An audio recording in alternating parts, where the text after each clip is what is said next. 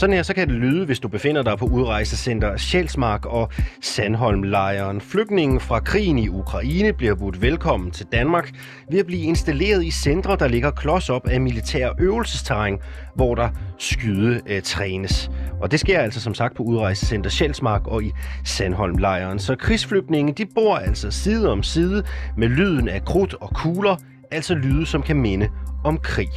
Ifølge Forsvarets egen plan over skydetider på banen, så er der alle dage i marts og de fleste i april planlagt skydeøvelser øh, på alle tidspunkter af døgnet.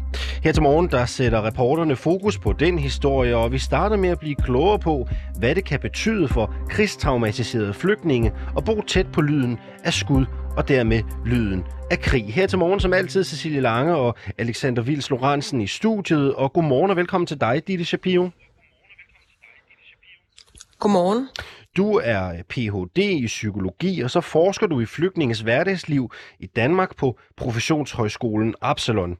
Øh, start med at fortælle os, hvad gør det ved et menneske, der er flygtet fra krig og skulle bo et sted, hvor man eksempelvis kan høre skud fra maskingeværer og dysekanoner? Ja, men det er jo sådan, at, øh, at hvis du lige er flygtet ud af et krigshavet land, som for eksempel Ukraine, og du måske gentagende gange har stået i situationer, hvor du har frygtet for dit eget liv, og måske din børns liv, du har set krigshandlinger med dine egne øjne, og, øh, og måske også levet i flere uger med, med frygten for, for nye angreb, så, øh, så vil du være i, øh, hvad skal man sige, dit system vil være i sådan et, et, et ganske forhøjet alarmberedskab, øh, som jo er hensigtsmæssigt, når du befinder dig i en krigszone, fordi det er noget af det, der hjælper dig til at, øh, at overleve sådan en situation, og for eksempel mobilisere kraftet til at flygte. Øh, men når du så har bevæget dig væk fra den her livsfare, øh, og øh, så vil de fleste mennesker jo stadigvæk føle sig stresset og, og ængstelige og urolige, og måske have tendens til at, at fare sammen ved høje lyde, og ja, opleve, opleve angst.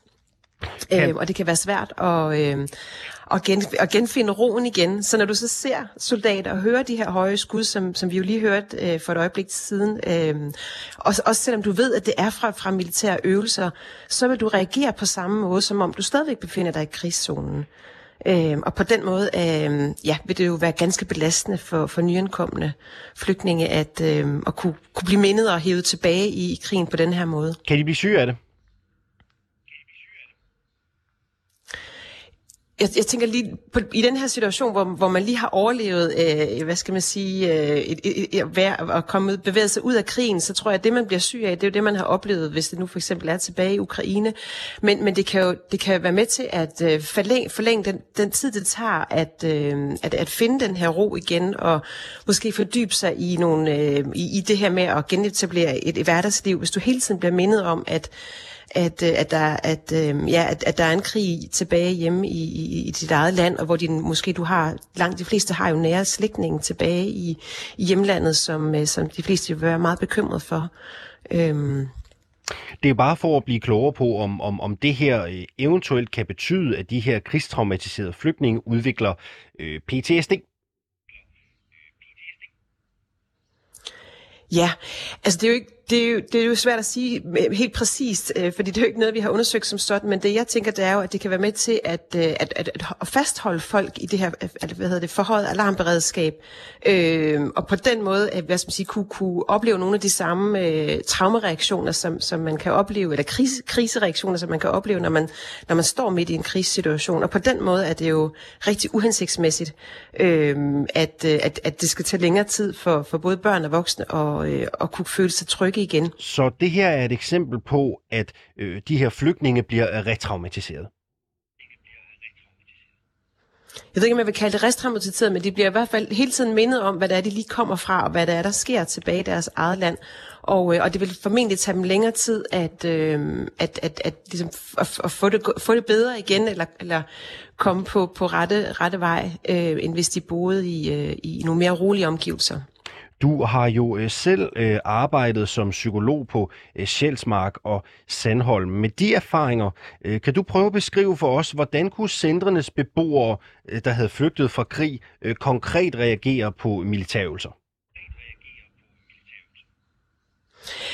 Jamen det kunne, øh, det kunne for eksempel være det her med, at, at du, kan, du kan se et, et menneske ligesom øh, hopper eller, eller far sammen, eller, eller lige, for, altså gemmer sig væk under, det kunne være et barn, der gemmer sig væk ned under et bord, øh, fordi, fordi man instinktivt reagerer på samme måde, som man gjorde tilbage i, i, øh, i, i det her krigsområde. Altså at, at man tænker, jeg skal passe på mig selv, jeg skal, jeg skal, jeg skal gemme mig.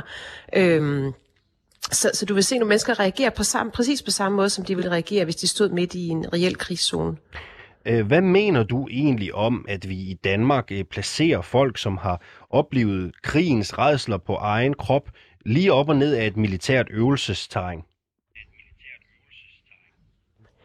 Jamen, jeg mener, at det er, det er, jamen, det er uhensigtsmæssigt, og jeg tænker, at det vil, være, det vil da være bedre for, for de nyankomne flygtninge at, øh, at finde nogle indkvarteringsmuligheder i nogle mere rolige omgivelser. Det er der slet ikke nogen tvivl om. Øh, spørgsmålet er jo også, at politikerne vil jo gerne lave en, en særlov for ukrainerne, siger de, så de måske ikke skal være der så længe. Har det nogen, gør det nogen forskel, eller er det stadigvæk uhensigtsmæssigt, sådan som du ser det? Jamen, det betyder selvfølgelig noget, hvis man, kan, hvis man relativt hurtigt kan, kan komme et andet sted hen, hvor man, hvor man måske har bedre mulighed for at, at genskabe en eller anden form for normalitet. Fordi det er noget af det, vi ved, der, der er allervigtigst for mennesker, som, øh, som er flygtet og som har mistet hvis man sige, alt, alt, hvad de har kært og alt, hvad de, hvad de, hvad de kan føle sig trygge ved. Øh, deres hjem og deres hverdag og måske også øh, nære familiemedlemmer. At øh, det er jo det her med at kunne, kunne få nogle nye rutiner i gang igen, og, og børnene kan komme i en børnehave og komme i skole, og, og man kan komme i gang med at lave mad og spise sammen, som man gjorde tidligere. De her helt almindelige ting er faktisk noget af det aller, aller vigtigste, og, øhm, og jo hurtigere du kan komme i gang med det, jo bedre er det. Øh, lad os nu sige, øh, du har lidt været inde på det, ikke? Øh, du svarer lidt på det i det her spørgsmål. De, nogle af de her ukrainske krigsfordrevne, lad os sige, de kun skal opholde sig på centrene i en uges tid. Er det så ikke fint nok, øh, hvis øh, man kun oplever øh, angst eller traumer i en så kort periode? Det, det er lidt svært at svare på, kan man sige, fordi man, altså, jeg er jo psykolog, så, så man kan sige, at mit fokus det er jo, at, at, at, hvad, hvad er bedst for mennesker øh, her og nu. Øh, men selvfølgelig er det da mere hensigtsmæssigt at være der i kort periode, og så, og så hurtigt komme videre til et andet sted.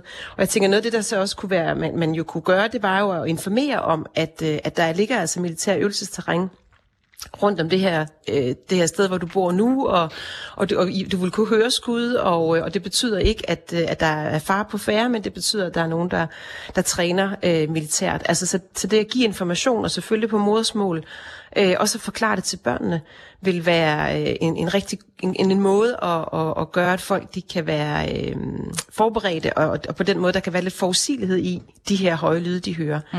Det var noget, man kunne, det var noget, man kunne gøre. Didi Shapiro, er det uproblematisk, hvis folk, der har oplevet krig og død og ødelæggelse, er på øh, de her centre, hvor de oplever skud og, og så videre i en kort periode, for eksempel en uge? Det kan jeg ikke rigtig svare på synes jeg, om det er uproblematisk. Altså, jeg synes, det er uhensigtsmæssigt, at de her centre ligger, som de gør. Øhm, og det ville være bedre, hvis man fandt nogle andre steder, øhm, og, øh, at, at de her mennesker kan komme til at bo. Øh, her til øh. sidst, øh, Ditte Shapiro, du har som sagt selv arbejdet på øh, Sjælsmark og Sandholm, øh, og du har jo øh, arbejdet med de her erfaringer før. Hvad er sådan det værste eksempel, du kan huske på øh, en flygtningsreaktion ved de her øh, skydeøvelser? Jeg, jeg har ikke noget konkret eksempel. Det, det ligger en del år tilbage, må jeg indrømme. Øhm, så øh, så, så det, jeg har ikke lige et konkret eksempel, jeg kan, jeg kan dele med jer. Det beklager jeg. Det er i orden. Ditte Shapiro, tak fordi du var med her til morgen. Altså Ph.D. i psykologi og forsker i flygtninges hverdagsliv i Danmark. Det gør hun på Professionshøjskolen Absalon. Og vi fortsætter øh, med historien om de ukrainske krigsfordrevne, som altså skal bo på udrejsecenter Sjælsmark og Center Sandholm. For hvor slemt er det egentlig, når man til hverdag bor i et område, der grænser op til et ja, militært øvelsesterræn? Det har vores reporter Mathias Damgaard Holst taget en snak med en nabo til øvelsesterrænet. Det er ham, der hedder Flemming Nyberg øh, om. Her bliver naboen spurgt, hvor ofte han kan høre de her skud. Ja, det kan jeg, det kan jeg altid høre. Hvad mener du med altid? Ja, når de øver, så kan jeg høre, jeg kan både høre skydebanen, selvom den er pakket ind, om jeg så må sige, lukket ind. Det kan vi stadigvæk høre. Og hvor ofte vil du sige, at de er i gang med at skyde dig? Jamen, det er jo ikke bare militæret, det er jo også i helligdagene, der er det jo, så vidt jeg kan forstå, politiet og hjemmeværnet. Så jeg kan høre det øh, året rundt, Altså næsten men, dagligt? men ikke, ikke hver dag. Slet ikke hver dag. Okay, hvor, på en måned, hvor ofte vil du så sige, at du cirka kan høre det, tror du? Altså en tredjedel af, af tiden. Okay. Og er det noget, der er så højt, så det er sådan til gene øh, for dig som beboer i området? Nej, det er ikke så slemt. Øh, en gang imellem er der jo nogle specielle øvelser, men det er det ikke så slemt, det vil jeg ikke sige. Men når vi er gæster, så siger de, hvad søren sker der her? Hvordan lyder det, Det- der for dem? Ja, altså, det lyder da rigtig voldsomt, men, men øh, det er jo sådan, at øh, når man bor her, så tænker man ikke over på samme måde. Men øh, vi, vi hørte det, og så siger vi, nå, nu skyder de sgu igen, ikke? Ja. Altså, hvis man skulle sammenligne lydene sådan lidt, er det så, hvis man for eksempel er i et, et område, og man kan høre nogen, der er på jagt og skyder, er det sådan lidt den type højde på lyden? Øh, jamen, det er meget forskelligt. Det er meget forskelligt, fordi nogle gange i det terrænet, øh, og andre gange er der selve skydebanen. Og skydebanen, det er mere en, en dunkel lyd, men altså helt tydelig. Men vi kan også registrere, at det har hjulpet, at den er pakket ind siden øh, den var åben. Der, hvor du bor øh, fra, og så øh, sammenlignet med, med Sjælsmark, øh, nej, undskyld, Sandholmlejren, den afstand Ja. fra, øh, fra jer til, til Høvlte øh, skydebane, er det cirka den samme længde, vil du vurdere? Øh, ja, det er det nok. Det er det nok. Vi, vi, øh, ja, vi bor direkte ned til, øh, til det militære område jo. Mm. Og er det, altså, nu siger du, du har vendet dig til det, men når du får Ja. gæster, så, så, så, har de, altså, så tænker de, hold da op, hvad er det, der foregår? Ja, netop. Ja, Kan det er rigtigt. Kan du godt forstå, for, øh, at folk, der kommer udefra, tænker, at det virker meget voldsomt, det de hører? Ja. Ja, det kan jeg godt forstå. Fordi, Men, men, men altså, vi har levet med det i, i, de over 50 år, vi har boet her. er der, er der andre i området, der har det på samme måde som dig, som tænker, hold da op, det er godt nok voldsomt? altså, vi snakker jo om det en gang imellem, ikke? Og nogle nye tilflyttere her på vejen, de har jo, de er jo blevet noget overrasket. Det er vel sådan, vil jeg sige. Jeg har lige haft ringet til Blåstred Kro, Blåstred Skole, ja. Øh, Ja. og så et plejecenter, Sjælsø. Og der siger de, at lydene er ikke noget, de sådan rigtig bemærker. Hvorfor tror du ikke, man Nej. bemærker dem der? Jamen, de ligger alligevel lige det stykke længere væk. Vi ligger jo direkte åben. Vi ligger lidt højt og helt ud til området her på Drabæksvej.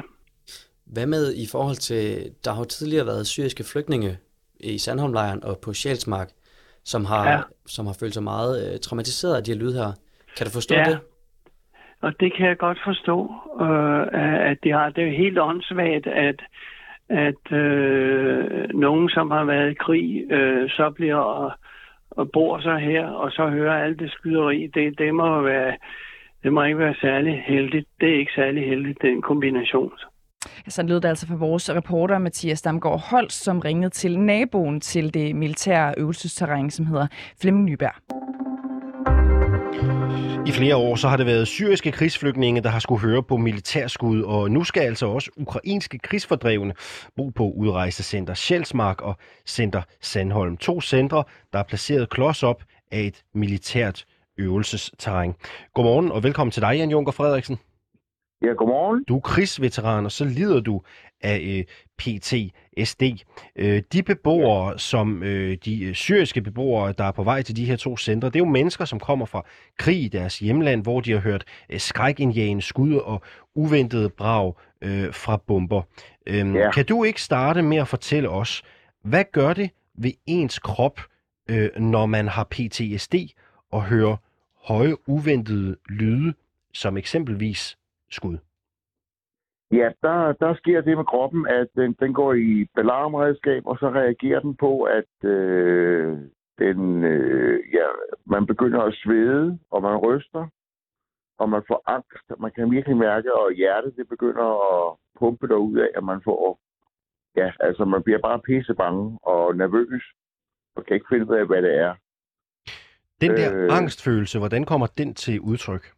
Den kommer udtryk ved, at man sveder. Man begynder at svede, svede, og man øh, får, får uro i kroppen. Og så, øh, så har jeg det der med, at jeg er nødt til at flygte, eller finde på noget andet for at lave, og så finde ud af, hvad er det, der sker? Øh, øh, hvor er det, det kommer fra, og hvorfor gør de det? Så jeg kan finde ud af, om er det godt eller dårligt, det her. Øh, og, øh, og hvis det er, jamen så, øh, så kan jeg gøre det, at jeg hører høj musik, og så tænker jeg bare, ved du hvad, det skal nok gå det her, slask, slask. Men der kan godt gå rigtig mange timer for, for at jeg falder ned igen. Øhm, og så kan, jeg- kan jeg få, øh, få flashbacks ind i mit hoved for det, jeg har oplevet. Øh, fordi det, det trigger noget ind i mit hoved. Hvad, hvad kan du for eksempel få flashback til? Hvad har du fået flashback til før?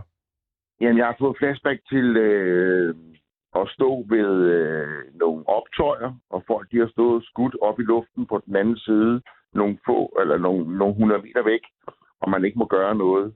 At man bare skal afvente, afvente, afvente, og stå og blive, blive nervøs.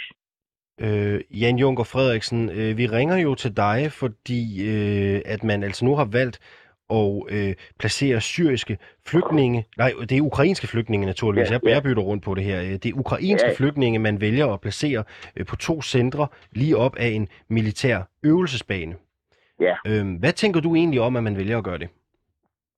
Det synes jeg ikke er det, det smarteste, man kan gøre. Det, øh, men hvis man, hvis man ikke har andre muligheder for det, så, så kan jeg også godt forstå det. Men så bliver man også nødt til bare at lave nogle oplysninger og forklare folk, hvad er det, der sker, når der bliver skudt. Det er mere, det er mere fordi, øh, grunden til, at vi Øh. ringer til dig, er jo, at du også selv har oplevet at være i en krigszone. Ligesom Ja. de ukrainske flygtninge har. Ja. Hvordan vil du reagere, hvis du skulle bo et sted, hvor der for eksempel i marts og april bliver skudt hver dag? Ja, så vil jeg ikke have det særlig godt. Så, så, så vil jeg... Jeg vil ikke være mig selv i det stykke tid. Og lave en masse mærkelige ting. Blive dårlig, altså sove meget. øh, Fordi man bliver presset hele tiden. Ja. Øhm, og øh, hele tiden gå og, og vente på, nu kommer der et skud. Nu kommer der et skud. Eller hvornår kommer der et skud? Nu er der pause. Hvad sker der så? Vil du blive aggressiv? Øhm, det har jeg gjort, men det gør jeg ikke mere, fordi jeg har lært at takle det. Men det kan man godt forestille sig, at man, altså det har jeg også selv prøvet, er blevet pissetosset. Altså nytårsaften og sådan noget, hvis jeg bliver, kommer ind i det lige pludselig, og jeg ikke kan styre det, så bliver jeg aggressiv. Men Hvordan? Aggressiv? jamen, jeg bliver nok sådan noget øh, udfarende, lidt udfarende, og folk skal ikke komme for tæt på mig. Og så, så det der med bare at lade mig være. Øhm, men jeg har ikke, øh, jeg, jeg slår ikke på mennesker, jeg slår ikke på, på noget mere, men øh, jeg slår på ting og sager, fordi jeg ved godt, det er forkert at, at gøre sådan. Men, men det er det der med, at jeg bare fuldstændig, øh, altså man, bliver, man, altså der skal bare ske noget, fordi det er adrenalin, der kører, og man har virkelig lyst til at, at gøre et andet fuldstændig vildt for at få det væk. Her til sidst, Jan Junker Frederiksen, du har selv øh, set krigen i øjnene. Øh, du har også mødt krigens ofre. Ja. Øhm, mener du med den indsigt, du har, at de her ukrainske flygtninge, som kommer fra krig Mm. øh, og ødelæggelse, er det plausibelt, at de vil blive mærket af at være i et miljø, hvor der bliver skudt omkring dem? Åh, oh, det er svært at sige. Øhm, men, men det kunne jeg godt forestille mig. Det kunne jeg godt forestille mig. Men så er der også, der, også det der, som jeg hele tiden har sagt til alle, og også nu her, at oplysning, kommunikation, hvad er det, der sker, og hvad tid er det, og hvad er det, så man kan, kan hjælpe dem. Jan Junker Frederiksen, krigsveteran, og øh, så lider du også af PTSD. Tak fordi du Ja. var med her øh, til morgen. Øh, god morgen til dig. Jamen, tusind tak. Og øh, jeg skal lige sige, at Jan Junker Frederiksen, han har været udsendt til Bosnien i 2001 som soldat. Han fungerede som brandmand og mekaniker, og han var udsendt et halvt år. Så har vi i hvert fald styr på, hvor han øh, kom fra. Og enten så flytter man øh, de krigsflygtninge, der kommer til udrejsecenter øh, Sjælsmark og Center Sandholm, øh, og ellers så skal man flytte Høvlte Kasernes militære øvelsesterræn. Udtaler jeg ikke det rigtigt? Øh? Høvlte, jo. Høvlte, okay. Ja, ja. Jeg kendte det ikke lige før. Du. Høvlte Kaserne. Øh, sådan lyder den klare melding fra Tim White, øh, generalsekretær i Mellemfolkeligt øh, Samvirke. Velkommen til programmet. Uh, ja, tak for det. Uh, Tim White, uh, hvad ser du helst, at der bliver flyttet væk? Er det krigsflygtninge på centrene, eller er det høvlte uh, kasernes militære øvelsesterræn? Uh, jamen, jeg tror, det vi taler om, det er jo bare grundlæggende at indstille det, mens, Ukra- mens vi huser de ukrainske flygtninge der. Er det realistisk, at, at man kan gøre det? Jamen, det, det ved jeg jo ikke. Det, det må man jo i en dialog med, med, med militæret om. Men, men, øh, men hvis man ikke kan det, så mener jeg, at man må finde et andet sted og, øh, og, og tilbyde øh, flygtninge børn øh, beskyttelse. Hvorfor? Jamen, nu har vi jo lige hørt noget af det, det kan betyde. Vi skal jo bare huske, at de her børn, de kommer direkte fra en krigszone. Mange af dem har øh, familie, der stadigvæk er i en krigszone. Øh, øh, forestil dig, hvad du selv vil gå og tænke på, øh, om hvor din far er hen lige nu. Øh, at, at de skal udsættes, når de kommer til et helt nyt sted og skal til at, at finde sig til rette øh, og finde ro igen. Øh, at de skal udsættes dag ud og dag ind af, at der er folk, der går rundt omkring dem øh, og, og skyder, og de kan lugte krudtrøg, og de kan se øh, tanks, der bevæger sig. Øh, det skriver jo til himlen, at man ligesom ikke forsøger at sætte sig ind i de her menneskers dagligdag og de her børns øh, øh, ved og vel hvis det er det, man gerne vil tilbyde dem i Danmark. Mm. Nu hører vi jo øh, flere øh, steder, øh, imens vi har undersøgt den her øh, sag, at det kan jo være, at det bare er en uges tid eller et eller andet, at ukrainske flygtninge skal bo på de her øh, øh steder. Er det så ikke fint nok, at de må udholde det i en uges tid, for eksempel? Øh, altså grundlæggende så synes jeg en dag er for meget, men derudover så vil jeg sige, at, at det der med, at vi siger, det en uge, altså nu har vi jo lige haft øh, en gruppe afghanske øh, tolke øh, i Danmark, øh, eller øh, afghanere, der har tilbudt øh, hjælp til de danske øh, til øh, forsvar, mens vi var i Afghanistan, og de blev jo lovet en hurtig sagsbehandling også, og der er en del af dem, der stadig, stadigvæk seks måneder senere ikke har fået afsluttet deres sag. Øh, så, så en ting er, hvad politikernes intentioner er. Noget andet er, hvor hurtigt man reelt kan gøre det. Jeg kan meget vel forestille mig, at nogle af de her familier kommer til at være der i månedsvis.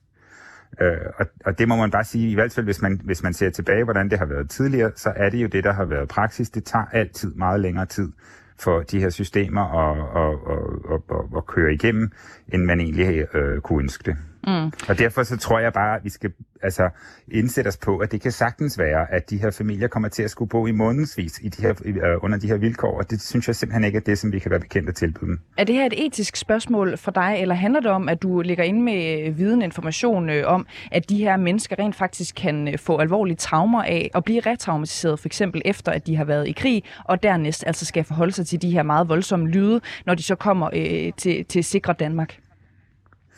Altså, jeg, jeg er jo ikke selv krisepsykolog, men jeg tror ikke, man behøver at, at, at være øh, eller krisepsykolog for at kunne se, øh, hvad det betyder for folk, som har været udsat for dybt traumatiserende oplevelser, som er i deres livs krise, øh, at være, øh, kan man sige, omringet af fortsat af, af skud og krudtrøg og, og tanks. Øh, det, det, det er jo ikke det, som man vil betegne som en, øh, altså et gode, trygge forhold, som vi gerne vil tilbyde flygtninge. Mm. Øhm, på udrejsecenter Sjælsmark i 2019, der var det jo de syriske flygtninge, vi, vi talte om, som altså var udsat for de her høje øh, lyde efter voldsom øh, krig øh, i området. Hvad kan vi tage med af erfaringer fra den gang, der altså boede de her syriske flygtninge? Jamen altså, jeg tror, jeg vil bare sige grundlæggende, jeg, jeg synes, det er helt vildt, at vi sidder og diskuterer det her igen. Altså, dengang, så vidste man jo allerede, at det her, det var et stort problem, øh, og, og at man jo har placeret øh, øh asylcentre meget tæt på et militært øvelsesområde, øh, og det var der allerede dengang stemmer sammen øh, fremme, der sagde, at det her det, det, øh, det er øh, ikke godt for de her mennesker. Det er ikke godt for dem, det er ikke godt for deres integration i Danmark, øh, og vi bør kunne gøre det bedre. At vi nu øh, tre år senere sidder i præcis den samme situation, det vidner jo også om, at man på en eller anden måde ikke ønsker, eller ikke har ønsket at tage det her alvorligt på politikernes side. Og, og nu mener jeg simpelthen, at det må være tid til, at, at man, man, man sætter sig i de her menneskers sted og overvejer, hvad, hvad er det, vi kan gøre som Danmark, der, der vi kunne tilbyde dem øh, en, en, en, en, kan man sige, et godt tilbud lige nu øh, på et af de mest kritiske tidspunkter, de har haft i deres liv. Tim White, øh, generalsekretær i Mellemfolkeligt øh, Samvirke, tak fordi du var med øh, her til morgen, og jo også en relevant øh, kritik at bringe videre ind på Christiansborg. Ja, og vi har jo i løbet af morgenen fortalt om, hvilke konsekvenser det kan have, at man placerer ukrainske krigsfordrevne på Center Sandholm og Udrejsecenter Sjælsmark, som altså er placeret lige op til et militært øvelsesterræn. Og som vi har hørt her til morgen, så er der øh, flere parter, der mener, at det kan være problematisk at øh, placere de ukrainske krigsfordrevne ved siden af et område, der ifølge forsvarets skydeplaner, øh, øh, hvor der foregår skydetræning øh, hver dag stort set. Øh, godmorgen til dig, Mads Fuglede.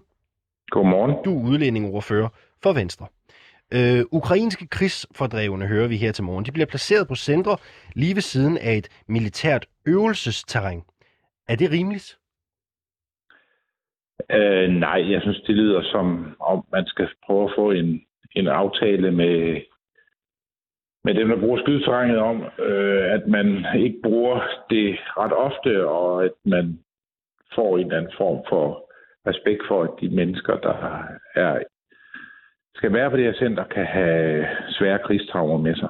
Kan man det? Altså, ved du det? Kan man lave sådan en aftale om, at man indstiller øh, skyderiet i... Ja, nu hører vi jo øh, Tim White sige, at han tror, at nogle af dem kommer til at bo der i flere måneder. Altså, kan man indstille øh, skydetræningen for vores øh, soldater og værnepligtige i så lang tid? Det, det, det har jeg ikke indsigt i, hvor, øh, hvor, hvor man øver henne til at, at, at kunne udtale mig om. Men jeg ved, at tidligere, da man havde problemstilling op at, at vinde før, der forsøgte man at lave nogle aftaler om, så man vidste, i hvilket tidsrum det var, at man øh, især anvendte, anvendte ammunition, der, der, der, der larmede meget, og så vidste man ligesom det på, på centret og varslede det, og så sørgede man for, at det ikke var så stort et tidsrum. Og hvis man kan gøre det i, igen og få det til at fungere, så kan man jo vælge at gå den vej, og hvis man øh, øh, skal tage et andet sted hen og skyde i den periode, hvor der er øh, ukrainske krigsflygtning på, på, på centret, og det er den bedste løsning, så synes jeg, at man skal overveje det. Nu er det jo ikke dig, der er direkte ansvarlig for at placere de her ukrainske krigsflygtninge det ene eller, eller det andet sted. Øh, men tror du, øh, det kan godt være, det er et mærkeligt spørgsmål, men jeg får lyst til at spørge dig alligevel. Tror du, man har været velvidende om, at man placerer øh, krigsflygtninge øh, ved siden af sådan et skydeterræn, hvor de øh, dagligt skal lytte til øh, lyden af krig, altså krudt og kugler? Har man været velvidende om det, tror du? Det kan jeg simpelthen ikke svare på. Det, det, det jeg skulle øh, gætte om noget, jeg ikke har, har nogen viden om. Det ved jeg simpelthen ikke. Øh, Tim White fra Mellemfolkeligt Samvirker, ham talte vi med for et øjeblik siden. Han foreslår jo, at man flytter enten flygtningene eller øh, kasernen. Øh, du siger jo, at man måske bør indstille skydningen øh, og træningen. Kan du se nogle former for idéer i enten at øh, flytte flygtningene eller kasernen? Altså, som jeg forstod problemstillingen tidligere, da man, øhm, da man også havde den her, det her problem op på vinden, så fandt man en, øh, en, en ordning, sådan at det øh, var til mindst mulig gene for begge parter. Det kan, det kan man jo prøve at undersøge, om man kan igen. Ellers så kan det jo være, at, øh, at man kan øve et andet sted end lige i det skydetøjen. Hvor kunne det være? Har du noget bud på det? Nej, nej, det er som det har du spurgt mig om før. Ej. Og der, jeg, har ikke, jeg har ikke nogen gå på det i, i de sidste to minutter, mens vi har talt sammen. Du øh, siger jo i det her interview, at du øh, godt kunne forestille dig et forslag om, at man ligesom aftaler konkrete tidspunkter for, øh, hvornår der skal skydes. Altså at man måske kan udsætte øh, skydningen i det militære øvelsesterræn. Øh, der er jo ikke noget nyt i, at der bor flygtninge ved siden af skydebanen. Øh, syrerne øh, bor der jo også. Skulle der have været taget det samme hensyn dengang, da der primært sad mellemøstlige flygtninge på centrene? Jamen dengang, der havde man også problemstillingen op at vende, og dengang, som jeg forstod det, nåede man frem til en løsning, der gjorde, at da jeg var oppe på centret, der nævnte man det ikke som, et, øh, som noget, der var et problem længere. Det vil jeg da håbe, man kunne, øh, man kunne finde frem til en løsning igen. Mm-hmm. Øh, Mads Fuglede, du er udlændingoverfører i Venstre. Tak fordi vi måtte ringe og stille dig et par spørgsmål her til morgen. Det var så lidt. Og god morgen øh, til dig. Øh, Cecilie, vi har jo her på reporterne forsøgt at kontakte øh, operatøren af Center Sandholm. Det er Dansk Røde Kors, og operatøren af Udrejsecenter Sjælsmark, det er Kriminalforsorgen. Øh, begge de henviser os til Udlændingestyrelsen, og de ønsker altså ikke at svare os på, hvorfor man har valgt at placere ukrainske flygtninge på netop Sjælsmark og Sandholm, og også hvad man gør for at oplyse og betrygge beboerne øh, på stedet. Mm. Og lad os lige prøve at tage en af de kommentarer, som er kommet ind til os på Facebook i den her omgang, øh, Alexander.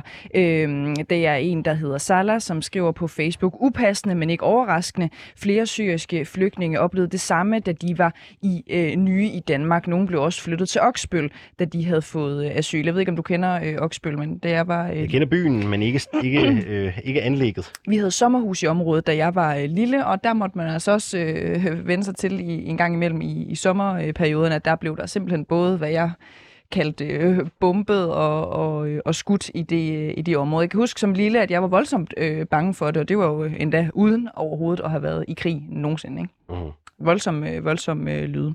Vi vil også gerne høre øh, fra dig, som sidder og lytter med derude, hvad du mener om den her problemstilling. Er det i orden, at man placerer øh, krigsflygtninge klods op og ned af steder, hvor der bliver skudt og bombet for øvelsens øh, skyld? Send en sms til os ind på 92 45 99 45. Du kan også skrive til os på Facebook. Nå, Cecilie, øh, der er gået storpolitik i byrådet i uh, Skanderborg. Nå, for uh, enhedslistens medlem af byrådet, Peter Kær, han har stillet et medlemsforslag. Det er blevet stemt ned i går, da der var byrådsmøde. Jeg prøver lige at læse op uh, fra uh, medlemsforslaget mm. her. Mhm. Jeg står med indstillingen til kommunalbestyrelsen. Ja, det, uh, det lyder sådan her. I erkendelse af, at der meget vel kan opstå endnu en akut fødevarekrise i verden, hvis den krig, Rusland er indledt mod Ukraine, var ved, vil byrådet som et uhyre beskedent og derfor kun symbolsk bidrag fremover, når byrådet og byrådets udvalg bespises, bestille menuer uden kød. Nå. Ja. Progressivt vil nogen sige. Ja, moderne, men det har godt nok genereret en del debat i byrådet mellem de blå og de røde partier. I går var der som sagt byrådsmøde, og forslaget er blevet stemt ned. Nå. Spørgsmålet er jo, Cecilie, om det overhovedet giver mening at øh, skære ned på kødet eller om man måske skulle skære ned på brød. Jamen, det skulle jeg lige til at for. sige, fordi vi ved jo, at det, som er under massivt pres, øh, fordi at vi får rigtig mange øh, korn fra både Ukraine og, Rusland, øh, det er jo øh, korn, det er jo hvide særligt, så hvorfor det lige er kødet, man vil pille ved? Ja, jeg kan lige prøve at læse lidt op fra øh, fakta her. Ikke? For ja. Rusland og Ukraine leverer til sammen cirka halvdelen af verdens kornafgrøder, ja. og krigen kan bringe årets høst i fare, og eftervirkningerne af krigen i Ukraine og sanktionerne mod Rusland vil trække lange spor. Øhm, skal vi ikke prøve at ringe og øh, høre lidt ind til et, hvad i alverden ideen er med det her forslag, og mm. to, hvorfor nogen har sagt nej. Vi kan prøve at ringe til forsvarsstilleren, han hedder Peter Kær, han aner ikke, vi ringer, øh, men vi kan prøve at ringe til ham øh, og høre, hvordan han har det her dagen efter, at han tabt slaget i, øh, i byrådet. Ikke? God idé. Øh, jeg har ikke læst, øh, øh, der er ikke noget referat ude fra i går, så, så vi er jo sådan rimelig på bare bund, men lad os se, om ikke øh, Peter Kær, han kan gøre os behjælpelige med, hvad der sådan egentlig er op og ned. Er det Peter? Hej Peter. Du taler Hej, med Alex. Bare... Du taler... Det er Alex. Goddag. Goddag. Du Nå, taler med... Ja, det, det er fordi, at jeg har lige, jeg har lige ringet til en anden, så... Øh, men øh, nu er det Alex, jeg har fat i, ja. Øh, du, du taler med Alexander Lorentzen, ja, og Cecilie Lange. Vi ringer ind fra reporterne på 24-7. Øh, det er 24-7's morgenprogram. Vi ringer øh, direkte øh, fra radioen, og vil høre, om vi må stille et hurtigt spørgsmål i forbindelse med medlemsforslaget om at droppe øh, kødbespisning øh, til byrådets arrangement. Øh, ja. Fedt. Øh, det blev jo ikke, øh, det blev ikke stemt igennem i går, øh, kan jeg øh, forstå. Øh, det blev stemt Nej, det, ned. Det, det gik, som det har gjort øh, øh, andre gange, hvor det har været på. Ja. Øhm, ja. Hvorfor, øh, hvor, hvorfor synes du, det her var en god idé egentlig? Hvorfor, hvorfor valgte du at stille det forslag lige nu, hvis du skal sætte sådan et par ord på det? Øh, altså det, der lige udløst, altså nu har det været stillet sådan øh, flere gange, øh, sådan af hensyn til, at, at vi jo gerne vil have den udvikling i kommunen, og så tænke for, at byrådet sådan kunne gå foran. Den her konkret den her gang, øh, så er det fordi, at på grund af krigen i Ukraine der, så, så snakker man om, at der kunne opstå fødevaremangel. Og så ligesom den bedste, den bedste måde at imødegå fødevaremangel på, sådan på en hurtig måde, det er ved at spise mindre kød, fordi det er det, der ligesom, øh, det optager øh, 80 procent af arealet i Danmark at producere øh, foder til dyr. Og så kunne man jo ligesom øh, øh, ret hurtigt øh, komme omkring den krise, i stedet for som EU foreslog, at vi begyndte at opdyrke brakmarker og den slags. Det tager dels lang tid, og dels så er der ikke ret meget at hente på det. Så derfor blev det sådan lige aktualiseret af, af krigen i, i Ukraine. Øh, Peter Kær, vi skal bare lige øh, være med, så det vil sige, at det her det er egentlig et forslag, som, som I har lidt øh, liggende i skuffen et eller andet sted, og, og så bringer I det op hver eneste gang, at, øh, at I har en anledning, eller hvordan? Øh, ja, det Alternativet har taget et par gange, og vi har øh, troligt øh, stemt for forslaget. Mm. Er det vigtigst for dig egentlig at, at lave den her symbolske handling for at vise støtte til Ukraine, eller er det vigtigst at ja, få, få bukt med det kød der rundt omkring i kuglen?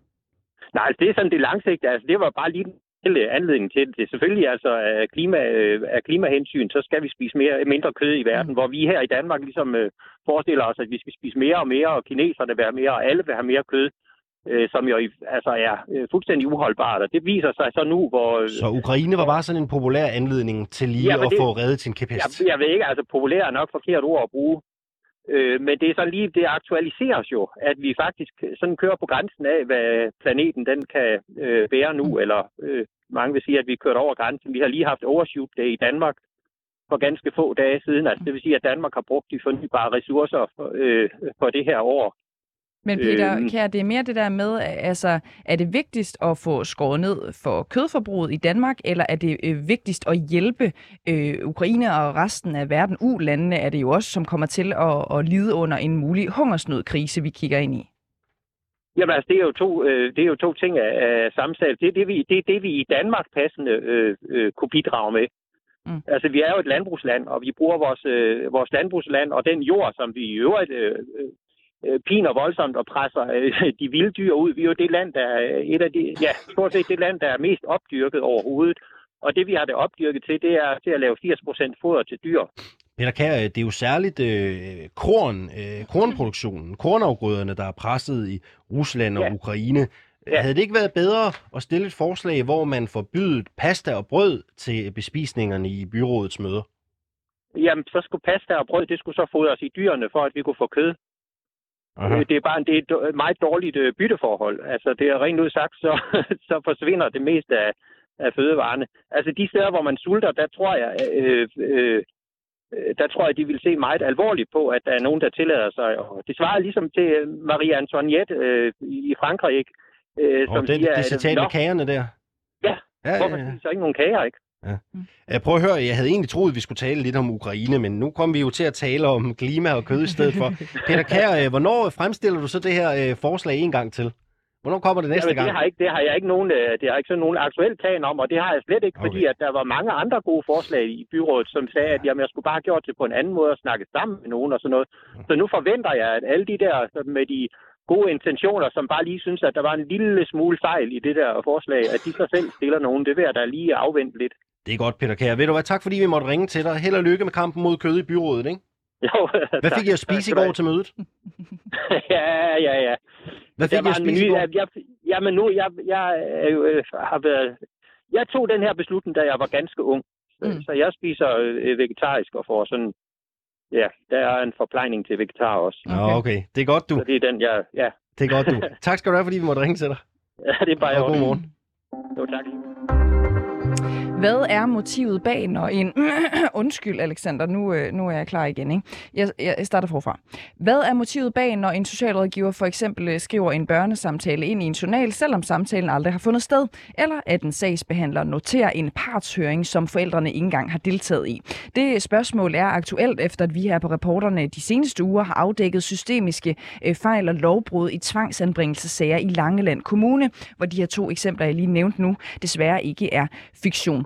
Forhåbentlig kan vores øh, næste gæst hjælpe os med at blive øh, lidt klogere på, øh, på det spørgsmål. Michael Herti, godmorgen til dig. Godmorgen. Du er selvstændig forvaltningsretsspecialist. Hvorfor ser vi egentlig, at socialrådgiver bryder loven og laver grove sandsbehandlingsfejl i anbringelsesager?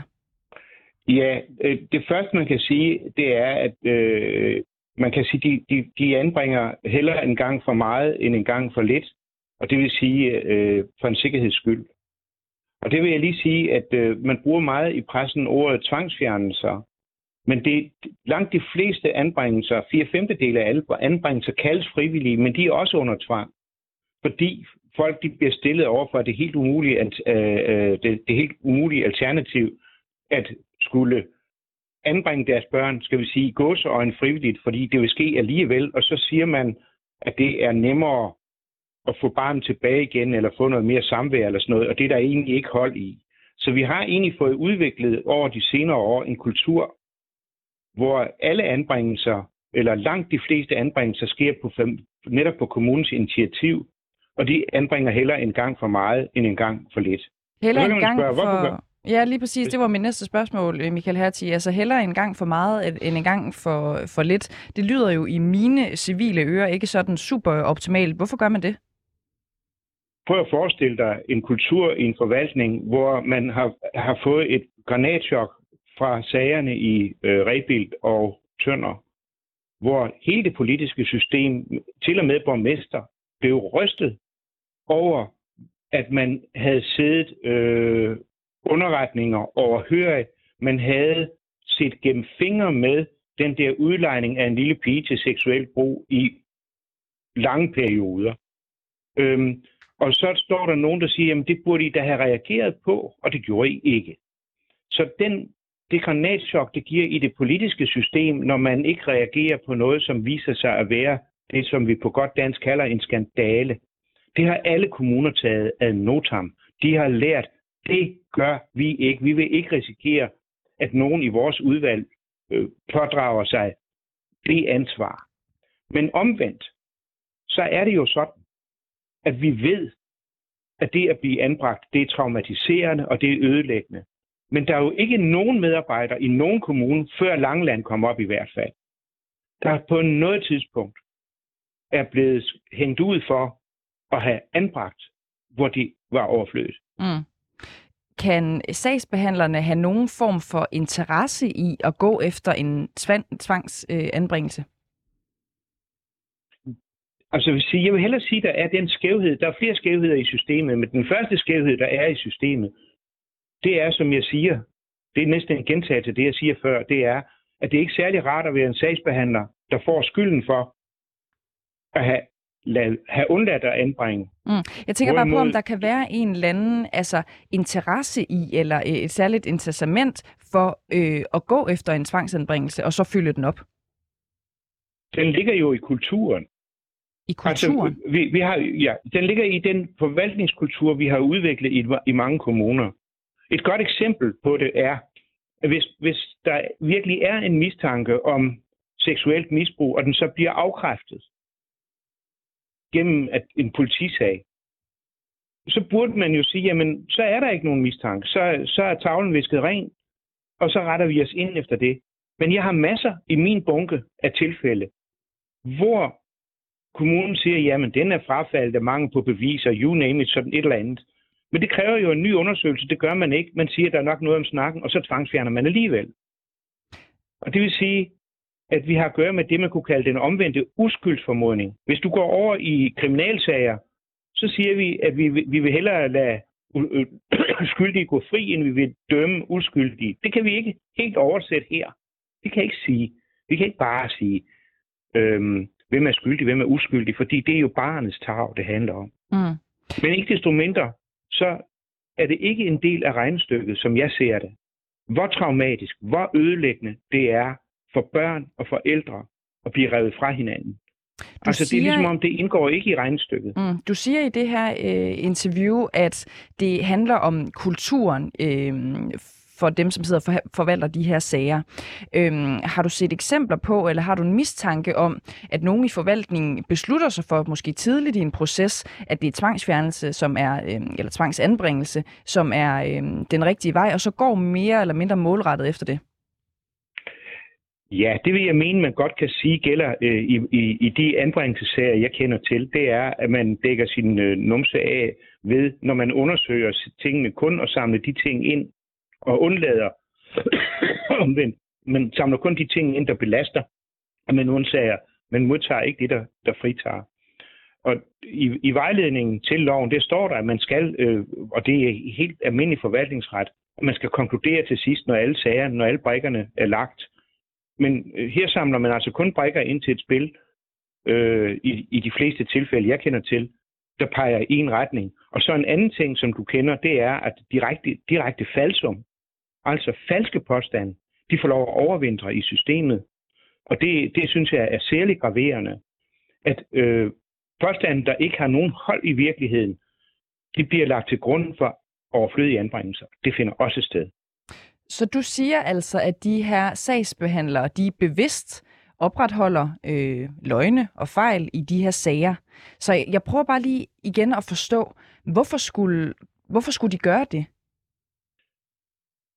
Jeg tror, at man skal forstå, at det ikke er én sagsmedarbejder, der gør det her.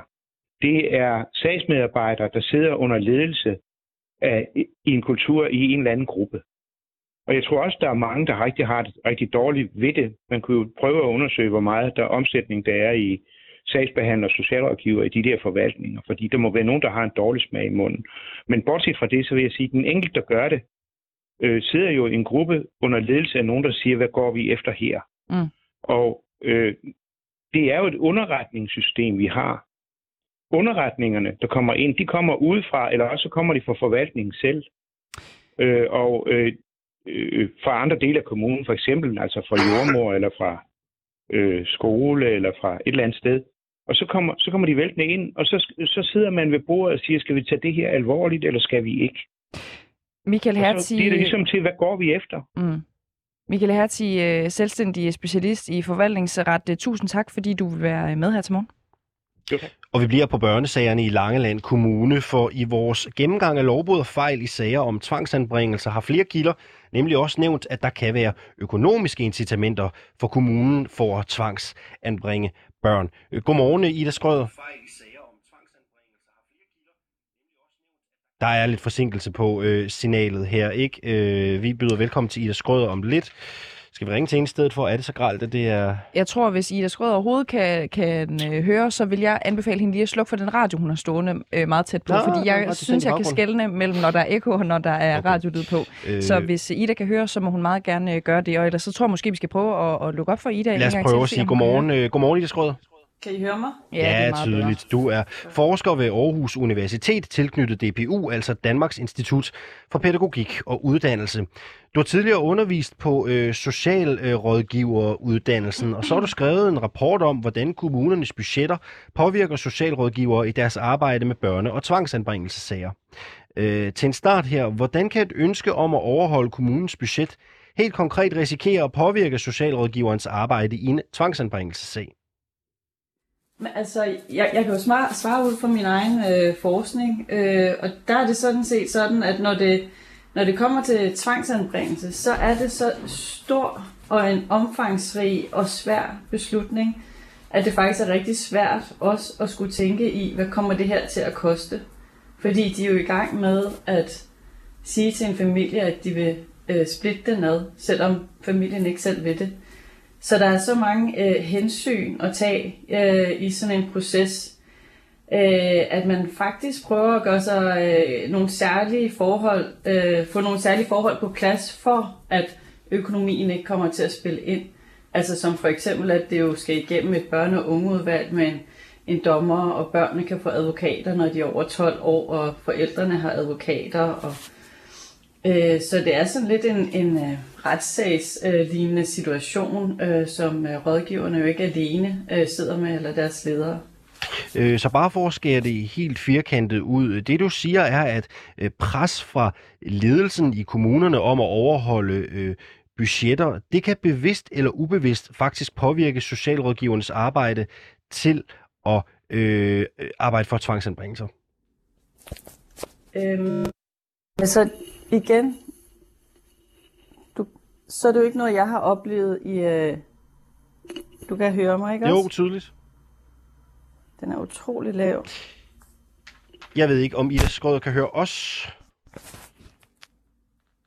Det tror jeg ikke, hun kan. Jeg tror, vi har øh, tekniske problemer. Mathias Stilling, vi prøver at ringe hende op på telefon. Vi ringer altså til Ida Skrøder, som forsker ved Aarhus Universitet. Hun er tilknyttet Danmarks Institut for Pædagogik og uddannelse. Og hun øh, skal jo meget gerne gøre os klogere på det øh, spørgsmål, vi har siddet med øh, i en længere periode, Alexander, fordi vi har undersøgt det her emne øh, længe, og der er flere, der har indikeret, at der kunne være noget øh, økonomisk incitament for øh, ligesom at ja. Ja, anbefale tvangsanbringelse over noget andet. Og vi siger øh, velkommen igen til Ida Skrøder. Øh, og jeg prøver lige en gang til. Øh, vi, vi mistede lidt øh, forbindelsen.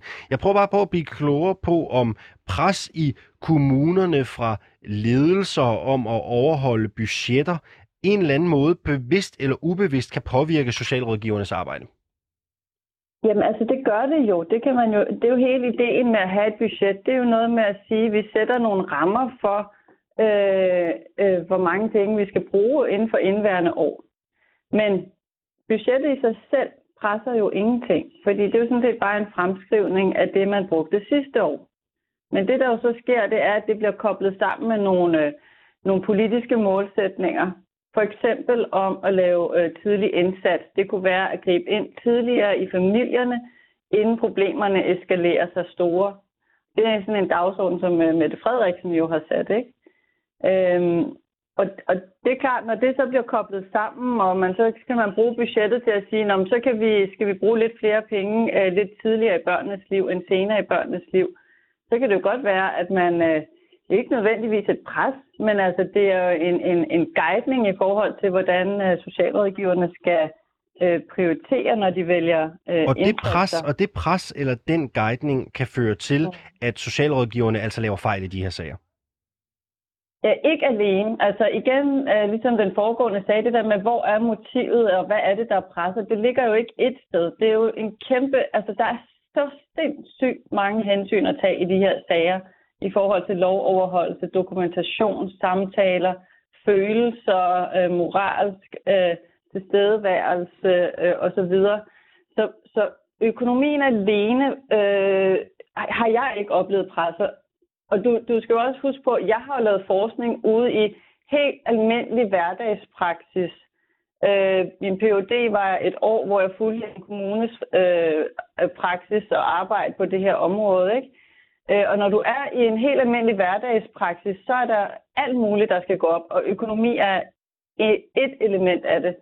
Øh, mange af de sager, vi hører om i medierne, for eksempel Langeland og noget af det, I lige talte om, der vil det jo øh, typisk være der, hvor det er gået rigtig, rigtig galt øh, for nogle børn. Og der kan det jo godt være, at, der har, at, at, der har, at man siger, okay, vi har, vi har budgettet, øh, og hvis vi i det mindste kan overholde budgettet, så har vi en eller anden garant for, at det går godt. Fordi øh, det kan politikerne, de forstår, hvad et budget er. De forstår ikke så meget helt konkret om, hvad det er, der foregår i den der dynamik i forvaltningen mellem familie og socialrådgiver. Vi har øh, simpelthen på grund af tekniske udfordringer, så har vi kun et lille halvt minut tilbage. Jeg skal nå at stille dig et spørgsmål mere, for vi talte ja. med professor Michael Hertig for et øjeblik ja. siden. Han mener, at socialrådgiverne de kan føle sig presset til at tvangsfjerne heller en gang for meget end en gang for lidt, fordi konsekvensen ved ikke at tvangsfjerne et barn i nød er større end frygten for at begå fejl i en sag. Kan du genkende den frygt?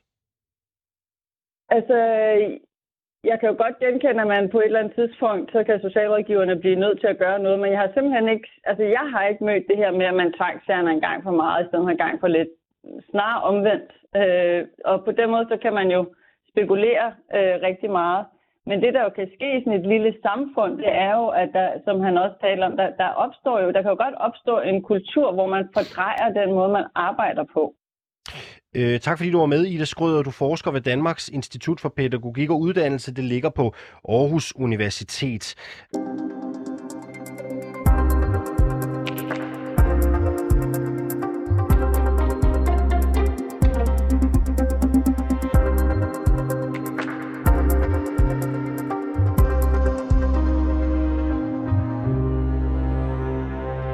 Du lytter til reporterne på 24-7. Mit navn det er Cecilie Lange. Og jeg hedder Alexander Vils Og en video fra udrejsecentret i Avnstrup bliver delt flittigt på sociale medier i de her dage. På videoen er en kvinde, der bliver holdt nede af fire mennesker, som sidder ovenpå hende og giver hende en beroligende sprøjte. Øhm, hun har hovedet mast ned i jorden, mens de sidder delvist ovenpå hende. Kvinden er en kurdisk øh, iraner og tvangsudsendt sammen med sine tvillingebørn på knap 11 år. Hendes mand og hendes yngste barn på halvandet år fik lov til at blive blive i Danmark. Men noget kunne tyde på, at hele det her øh, voldsomme optrin var fuldstændig forgæves. Ifølge kilder på Avnstrup, som reporterne har talt med, så er kvinden nu tilbage i Danmark og på vej til udlændingecenter Ellebæk, der bestyres af Kriminalforsorgen. Hendes børn er tilbage på Avnstrup. Men øh, den behandling, kvinden øh, fik, har påvirket beboerne på Avnstrup, som også står til udrejse før eller siden. Nu kan vi sige godmorgen til øh, dig, for Jessa Garpur. Hvordan udtaler det okay? Ej, på. Skide godt. Øh, du bor på øh, Avnstrup-centret øh, og var med ude og stå ved siden af, da den her kvinde blev holdt fast. Du er kurdisk iraner på 18 år, og jeg har fået at vide, du har fået at vide, undskyld, at, at du kan være en af de næste, som skal øh, rejse ud af Danmark. Øh, hvordan har du det med at få den besked, efter at have set, hvad der skete med den her kvinde? Altså, vi har det rigtig trist lige nu, fordi vi alle sammen har fået stress over det. At det kan være næste af os. Og den måde, som de udsender os, det er, det er ikke sådan menneskelighed. Det er ikke sådan, man opfører til en kvinde, eller så vi har det rigtig stresset lige nu. For mm. eksempel nogle gange, det, det, jeg har ikke dage, fordi jeg er bange, det kan man sådan, de henter mig eller min familie. Så hvis jeg, hver gang jeg hører noget, altså nogen går foran min dør, så løber jeg bare straks i vinduet. Jeg er bange, sådan, det har politi, så derfor jeg vil kaste mig ud vinduet og løbe væk. Så du er bange? Rigtig og... meget. Ja. Det er ikke du... bare mig, det er jo alle børn og alle voksne og alle kvinder og mænd i Arnstrup, som de har det sådan der. Ja. Men nogle er jo som vi har mere trist og mere bange og mere stresset og angst. Mm. Du siger, du er bange, og du er stresset over det her. Hvordan oplevede du øh, episoden med den her kvinde? altså, vi kender kvinden øh, næsten fem år. Vi har boet sammen med hende, vi kender hende, og vi ved godt, hun har lavet ikke nogen fejl. Altså, hun, hun er fra Iran, vi er også fra Iran, og hun er kortere. Så derfor, vi ved godt, hvis hun rejser tilbage, så selvfølgelig det skal noget til hende. Mm. Fordi vi er ikke noget i sikkerhed i Iran.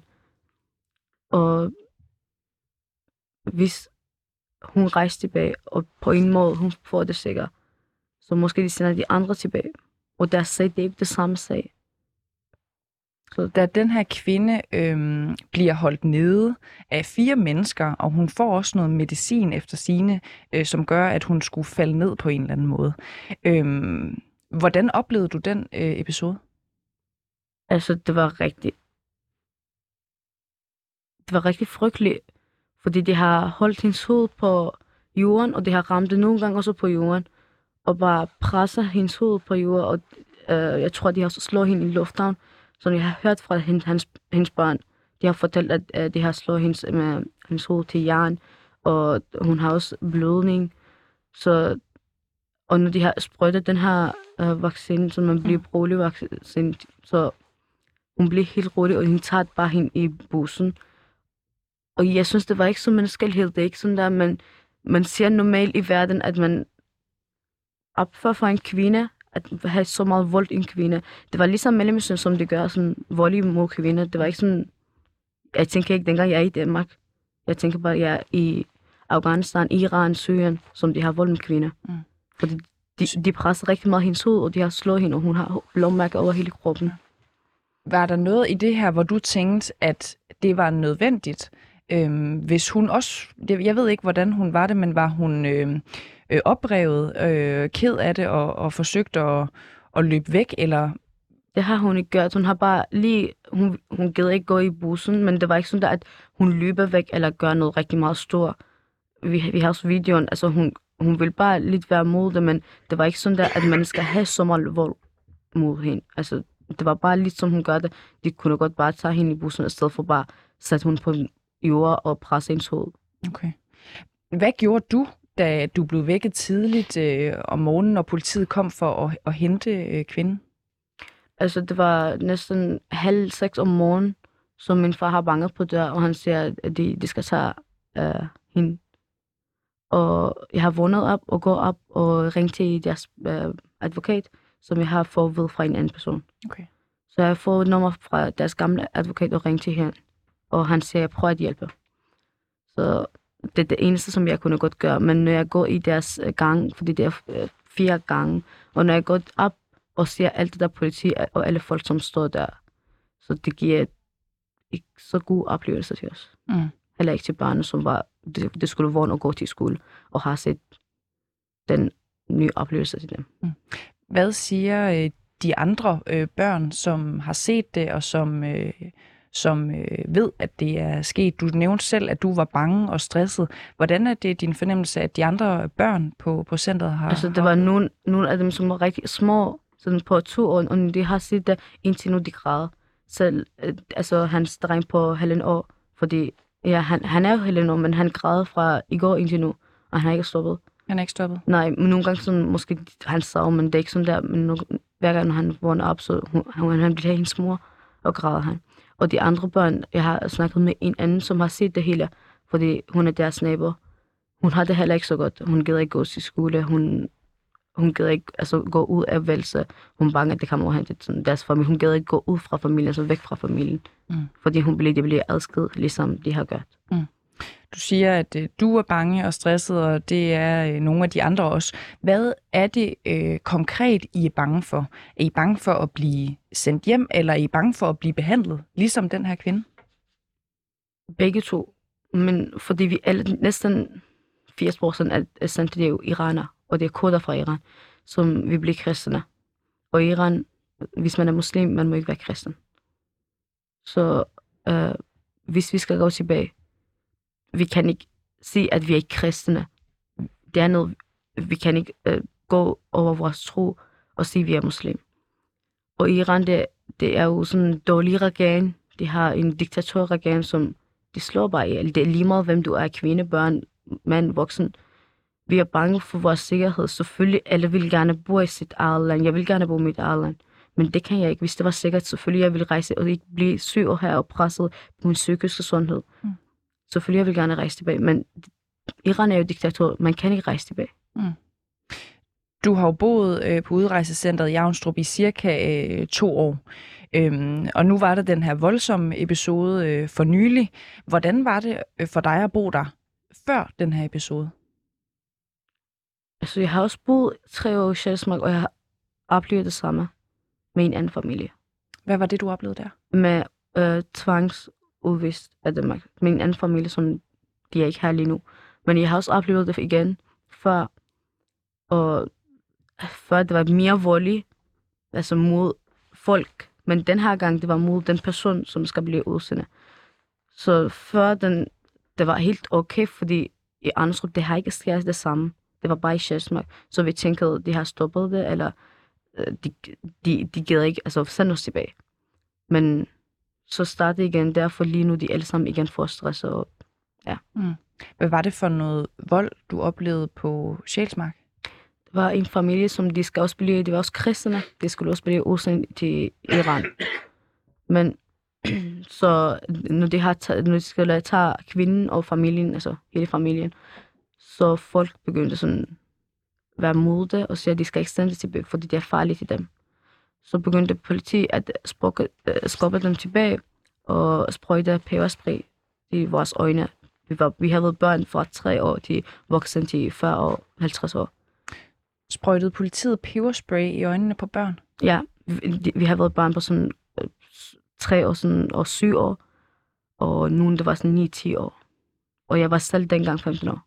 Var I, var I vilde? Var, var det fordi, I var opfarende eller begyndt at flygte? Eller hvorfor kunne politiet finde på at sprøjte altså, peberspray vi, i øjnene på vi børn? var, vi var lidt vildende, men de, i stedet for, at de skubber os, de begyndte at øh, hvad hedder det, sprøjte spray til vores øjne. Okay. Gjorde det ikke ondt? Jo, altså vi, vi, vi skulle tage mælk fra hjem, fordi vi har hørt, at mælk er god til at øjne. Men de giver heller ikke lov, at vi går hjem og tager mælk.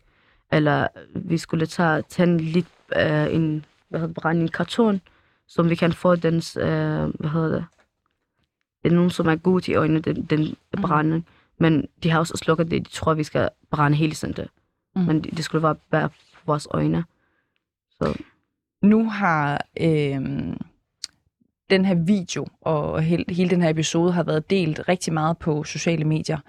Øhm, der er også nogle af politikerne, som, som kigger på det nu. Hvis du kunne sige en ting til politikerne og dem, som øhm, opererer på de her øh, steder, øh, øh, Avnstrup og, og Sjælsmark og så videre, hvad vil du sige til dem i forhold til, hvordan de kunne behandle jer bedre? Altså, jeg har, jeg har sådan en Facebook-side, som hver gang jeg sender en post i det, så skriver jeg ned under posten, vi er også mennesker. Så jeg vil sige dem, de skal være lidt mere retfærdighed. Altså, hvis de kan ikke sende os tilbage, så bare være lidt retfærdighed. Fordi hvis vi kunne godt rejse tilbage, vi vil gerne rejse tilbage. Men det kan vi ikke. Bare være lidt menneskelighed altså mod os. Vi er også mennesker, vi er også, altså, vi er også folk, som mister vores land, mister vores familie, og vi bruger for de hjælp, i stedet for at vi tvang os. Mm. Så lidt mere menneskelighed. I de her dage, der kommer der jo øh, rigtig mange ukrainere øh, til, øh, til de her centre, også fordi de er flygtet fra, øh, fra krig. Oplever du, at de bliver behandlet anderledes end, øh, end dig, for eksempel, som kommer fra Iran? Ja, rigtig, rigtig meget. Fordi dengang, som vi kommer i Danmark, de tager vores, altså en guld, hvis vi har været guld eller sådan ting. De, altså, de tjekker vores mobil. De, de behandler ikke så godt, så godt. Men vi har ikke noget mod Ukraine. Vi har lidt mere mod regeringen, som de behandler os sådan der. De tager så meget forskel, at fordi de er fra Europa, og de er flytning fra Europa, derfor vi skal behandle dem sådan. Men fordi vi er fra Mellemøsten, er vi ikke mennesker, vi er jo det samme. Vi har det samme hjerte, vi har det samme udseende, vi, altså, jeg, jeg ved, hvordan skal jeg sige det, men de behandler rigtig forskel mellem mig og, som er en ukrainer. Mm. Altså, når jeg skal sådan, komme i Danmark, jeg skulle gå til sprogskole, jeg skulle bo i asylcenter i næsten syv år, jeg boede her. Men de har fået ophold efter to år, eller øh, de startede skole med det samme. Så det er jo en stor forskel mellem os. Mm. Der kommer jo mange ukrainere til lige nu, øh, hvis for eksempel der er nogle problemer med deres øh, pas, øh, og de ikke i virkeligheden har, har, har adgang til Danmark på samme måde, som hvis man har et, et, et gyldigt øh, EU-pas, så er der nogle politikere rundt omkring i kommunerne, der har sagt, så finder vi bare en løsning på det. Øh, når jeres pas det udløber, som var episoden, øh, der skete med den her kvinde, øh, så bliver hun øh, hentet og får en sprøjte og bliver øh, lagt ned på jorden af fire mennesker. Øh, hvordan får det dig til at føle? Altså, jeg har snakket med kvinden, og hun har også spurgt dem. Hun siger, jeg har ikke underskrevet, og min pas var også udløbet. Hvordan har I gjort det? Og de siger, vi er ligeglade. Vi skal svange dig tilbage her, de rejser tilbage. Og det gør mig rigtig ondt i mit hjerte, fordi jeg føler så meget forskel. Jeg har sagt det altid til min mor, hvis Danmark vil have ikke os. Så hvorfor første gang, når vi kommer, vi var så velkomne, og lige nu vi er så uvelkomne som her. Efter syv år, som vi har lært kulturen, efter syv år, som vi har lært sproget, lært folk, vi har været venner og veninde her, men efter syv, de skal udvise os. Og specielt jo som er barn, når vi kommer her, og vi voksede her, samtidig. Min lille søster var sådan et år, og jeg var 12 år, når vi kom her. Vi voksede i kulturen, i øh, sammen med de andre folk. Så derfor det gør os rigtig ondt. Det er jo sådan, jeg føler mig i Danmark rigtig sådan mit eget land. Fordi jeg har også boet i Tyskland i fire måneder, men jeg føler ikke så meget, altså jeg er hjem. Men når jeg er her, jeg føler en anden ting. Jeg føler rigtig godt. Men når det gør sådan der, så det gør mig rigtig ondt, at de behandler os så umenneskeligt her. Fayese Kapoor, tak fordi du var med øh, her til morgen. Du er beboer på Avnstrup, og så er du øjenvidne til den øh, tvangsudsendelse, der blev filmet og delt med øh, en kurdisk-iransk øh, kvinde, som altså bliver holdt nede og bedøvet af fire mennesker. Der kan være stor forskel på håndteringen og mængden af fejl i sagsbehandlingen af tvangsanbringelsesager i de danske kommuner. Derfor har socialrådgiver Sarah Jajusi, der gennem seks år har arbejdet med tvangsanbringelsesager i to forskellige danske kommuner. Vores kollega Rassan El Nakib har taget en snak med hende om netop det. Det, at der var forskel i de to kommuner, øh, ud fra din erfaring, betyder Mhm. det så også forskel i mængden af fejl, eller måske endda det, der er større end fejl, begået i sagsbehandlinger i de to kommuner? Øhm, ja, det har selvfølgelig en betydning. Altså jeg kan tage ud fra min egen erfaring, der var ansat i, i Odense Kommune, og jeg skulle øh, arbejde i min første an, øh, tvangsanbringelsessag. Så havde jeg jo en, en fagspecialist til min rådighed, der bar mig igennem forløbet og guidede mig og øh, man kan sige oplært mig i det. Og hun øh, havde ansvaret for, at øh, det juridiske var på plads, og at borgerens retssikkerhed blev overholdt. Øh, så har jeg været i en mindre kommune, hvor, hvor man ikke havde den her sådan øh, faglige øh, understøttelse. og hvor socialrådgiveren måske øh, langt hen ad vejen stod alene, så fejl ikke blev opdaget. Det, det gjorde ved mig, var faktisk, at jeg havde rigtig svært ved at, forstå, at stå inden for det arbejde, vi, vi lavede, men, men også, at, at borgerens retssikkerhed jo ikke altid blev overholdt. De fejl, der som typisk sker, det er jo øh, ud fra manglende viden om øh, partshøringer, at de skal have mulighed for at komme med en udtalelse, før end der træffes en afgørelse. Og det er en del af forvaltningsloven, og det er en del af, af forældrenes retssikkerhed. Sådan en, sådan en ting kunne måske godt øh, skippes. Og ikke skippes, sådan som at man lige havde lyst til at springe den over, men man var simpelthen ikke bekendt med, at, at det skulle man gøre. Og man kan sige, da, da jeg var i Odense Kommune, var der jo nogen, der spurgte, har du afholdt partshøring? Husk lige, du skal det. Altså, så var der jo nogen, der hele tiden påmindede en om, at der var de her sagskridt, der skulle, der skulle gøres, eller skulle tages. Vi har jo talt med nogle fagpersoner, hvor jeg godt mm. kunne tænke mig at præsentere dig for nogle af deres centrale pointer, og høre, hvad du ligesom siger til dem. Mm. Har du oplevet, at forvaltningen forholdsvis hurtigt øh, tyr til beslutningen om tvangsanbringelse, frem for at hjælpe familien? Det har jeg oplevelser med, ja. Og det læner sig også op af den her manglende faglige ballast, som gør, at man øh, i nogle sager tyr til anbringelse hurtigere øh, eller uden det, det rigtige grundlag. I hvilket omfang har du oplevet det? Det har jeg oplevet i, i den ene af, af de kommuner, jeg har været i, og, og det oplevede jeg i, i et større omfang, end, end jeg følte, jeg kunne stå indenfor. Jeg følte, at det var øh, løsningen. Altså den der lø- løsning på alt, så valgte man at anbringe barnet. Hvorfor tror mm. du, det var sådan? Jeg tror, at det nogle gange handlede om, at man ikke turde gøre noget andet. Eller måske mere, at man ikke evnede at se muligheder i andet. At, at hvis man ikke anbragte, så vil der ske noget dårligt. Mm. To af de eksperter, vi har talt med, hævder, at man i dag tvangsfjerner for en sikkerheds skyld.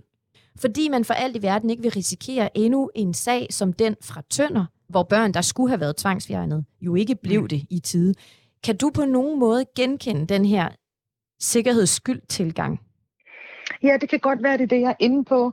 Men jeg er også nødt til at præcisere, at øh, altså man kan sige, jeg er jo oplært øh, af en større kommune, i en større kommune. Og der var det på ingen måde det indtryk, jeg havde. Og jeg, når jeg har stået i de her sager, hvor jeg skulle øh, øh, forelægge en sag om tvangsmæssig anbringelse, så var jeg så sikker i min sag, at det her det var det eneste rigtige, man kunne gøre, fordi den havde været igennem alle de her jo både interne sådan, øh, øh led i processen, øh, hvor man havde drøftet og, og, og vurderet sagen igen og igen og igen. Men det andet sted, hvor jeg har mindre gode erfaringer, så kunne det godt øh, til tider være tankegangen, at vi heller anbringer en gang for meget end en gang for lidt, også fordi at man personligt ikke ønskede at komme i klemme, eller, eller øh, blive øh, udstillet for ikke at have gjort det godt nok. Blev det anset for ikke at gøre det godt nok, hvis man nåede frem til en vurdering, der hedder, at barnet ikke skulle tvangsanbringes? Jamen, hvis forholdene i hjemmet så eskalerede på en eller anden måde, så kunne man godt opleve, at nogen påpegede, at man skulle jo bare have anbragt dengang. Har du oplevet det? Øhm, ja, det har jeg oplevet. Altså i en sag, som du har siddet med? Ja. Jeg har oplevet i flere øh, sager i den her mindre kommune, jeg var i, hvor jeg, øh, jeg var jo, øh, som teamleder, så havde jeg jo beslutningskompetence inden for anbringelse, og hvor jeg modsatte mig anbringelsen øh, af, enkelte sager. Hvor tingene så har eskaleret på sådan en måde, at det skabte frustration øh, hos socialrådgiveren, og, og der har jeg tit blevet stillet, eller ofte blevet stillet det spørgsmål med, havde det ikke været bedre, hvis vi havde anbragt? En af vores eksperter påpeger også, at man under sagsbehandlingsprocessen indsamler data, der kan understøtte en konklusion, man har taget lidt på forhånd om at tvangsanbringe. Og at man på den måde ikke stiller sig åben for en anden konklusion. Hvordan var dine oplevelser på det punkt? Min oplevelse, da jeg sad som socialrådgiver, øh, var, at øh, man kunne sagtens skifte kurs. Så kunne man godt få andre oplysninger, der gjorde, at man så tænkte anderledes, eller at forholdene i hjemmet, eller måske familiens samarbejdsvillighed, øh, Øh, ændrede sig i sådan en grad, at man tænkte, nu kan vi godt sætte ind i hjemmet, og man kan godt øh, undgå en anbringelse. Man kan sige, at i den kommune, jeg ikke ønsker at omtale, hvor jeg, hvor jeg var teamleder, der havde jeg ikke samme oplevelse. Men der var oplevelsen måske mere, at, øh, At det var det, man havde besluttet, og så var det det, man gjorde. Har du oplevelsen af, teoretisk set, at man som socialrådgiver kan skrive lige det, man vil ind i sagsakterne? At man kan, at det er muligt. Ja, det kan man sikkert godt. Så vi har jo dokumentationspligt, vi skal skrive øh, ned, hvad der, hvad der sker, når man sagsbehandler. Men det, jeg gerne vil Øhm. forstå, det er, om jeres arbejdsproces er skruet sådan sammen, at det rent faktisk er svært at opdage, hvis man beslutter sig for at snyde. Jeg tror, det kommer meget an på, hvordan, man, hvordan forvaltningen er organiseret, og hvad det er for en kommune, man er i. Hvis man er en kommune, hvor man overlader alt til socialrådgiverne og ikke afholder tilsyn, eller måske ikke har en opmærksomhed på kvaliteten i sagsbehandlingen, så kan man godt overse de her ting. En anden pointe fra en af eksperterne, vi har talt med, handler om, at i mindre kommuner, der kan det være svært at bryde med kulturen eller tage en konflikt med, med sin forvaltning om for eksempel fejl i sagsbehandlingen. Mm. Er det noget, du har oplevet? Ja, bestemt. Øh, og man kan, man kan også sige, at det er derfor, jeg ikke længere er i den kommune, som jeg ikke ønsker at omtale. Øh, altså kultur er jo svært at ændre, uanset hvor man er. Der skal jo sådan en, en, en, en organisatorisk opbakning til, at man ændrer kulturen. Jeg, var, jeg, kom jo, jeg kom jo til den her kommune, og havde jo nogle, nogle, nogle nye tanker og overvejelser ind i, og måske også var hurtigt til at få øje på nogle af de ting, som der kunne beskrives som fejl eller mangler i hvert fald i sagsbehandlingen. Det blev på ingen øh, måde måder øh, modtaget på en, på en god måde. Og socialrådgiver Sarah Jusi har efter de dårlige oplevelser i den sidste kommune, hun var ansat i, helt forladt børneområdet og arbejder i dag på et krisecenter. Kommunen ønsker hun ikke at nævne navn på, men vi kan fortælle, at det ikke er Langeland Kommune. Det var, hvad det vi kunne øh, bringe i dagens udgave af reporterne. Mathias Stilling, han sidder i regien og sørger for, at vi kom sikkert fra A til Z. Og så er der jo bare tilbage at sige, at man kan høre alle afsnit af reporterne, der hvor man finder sin podcasts eller på 24-7's hjemmeside. Gode idéer, tips og tricks til programmerne, dem kan man sende til os på den side, der hedder, på den mailadresse, undskyld, der hedder reporterne, 247.dk.